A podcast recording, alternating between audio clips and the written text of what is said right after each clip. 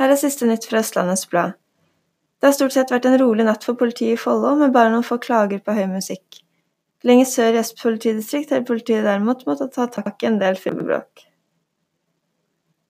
Det arbeides for fullt både på Ski stasjon og Østfoldbanen om dagen, og i august tar Bane NOR for alvor tak i Jernbaneveien, hvor det skal etableres ny bussterminal. Det betyr perioder med støy, stenging av veien og redusert fremkommelighet. Det er ikke bare gressklipping som gjelder om dagen. Hos Norsk Maskinservice AS i Ski har de allerede 25 bestillinger på snøfresere.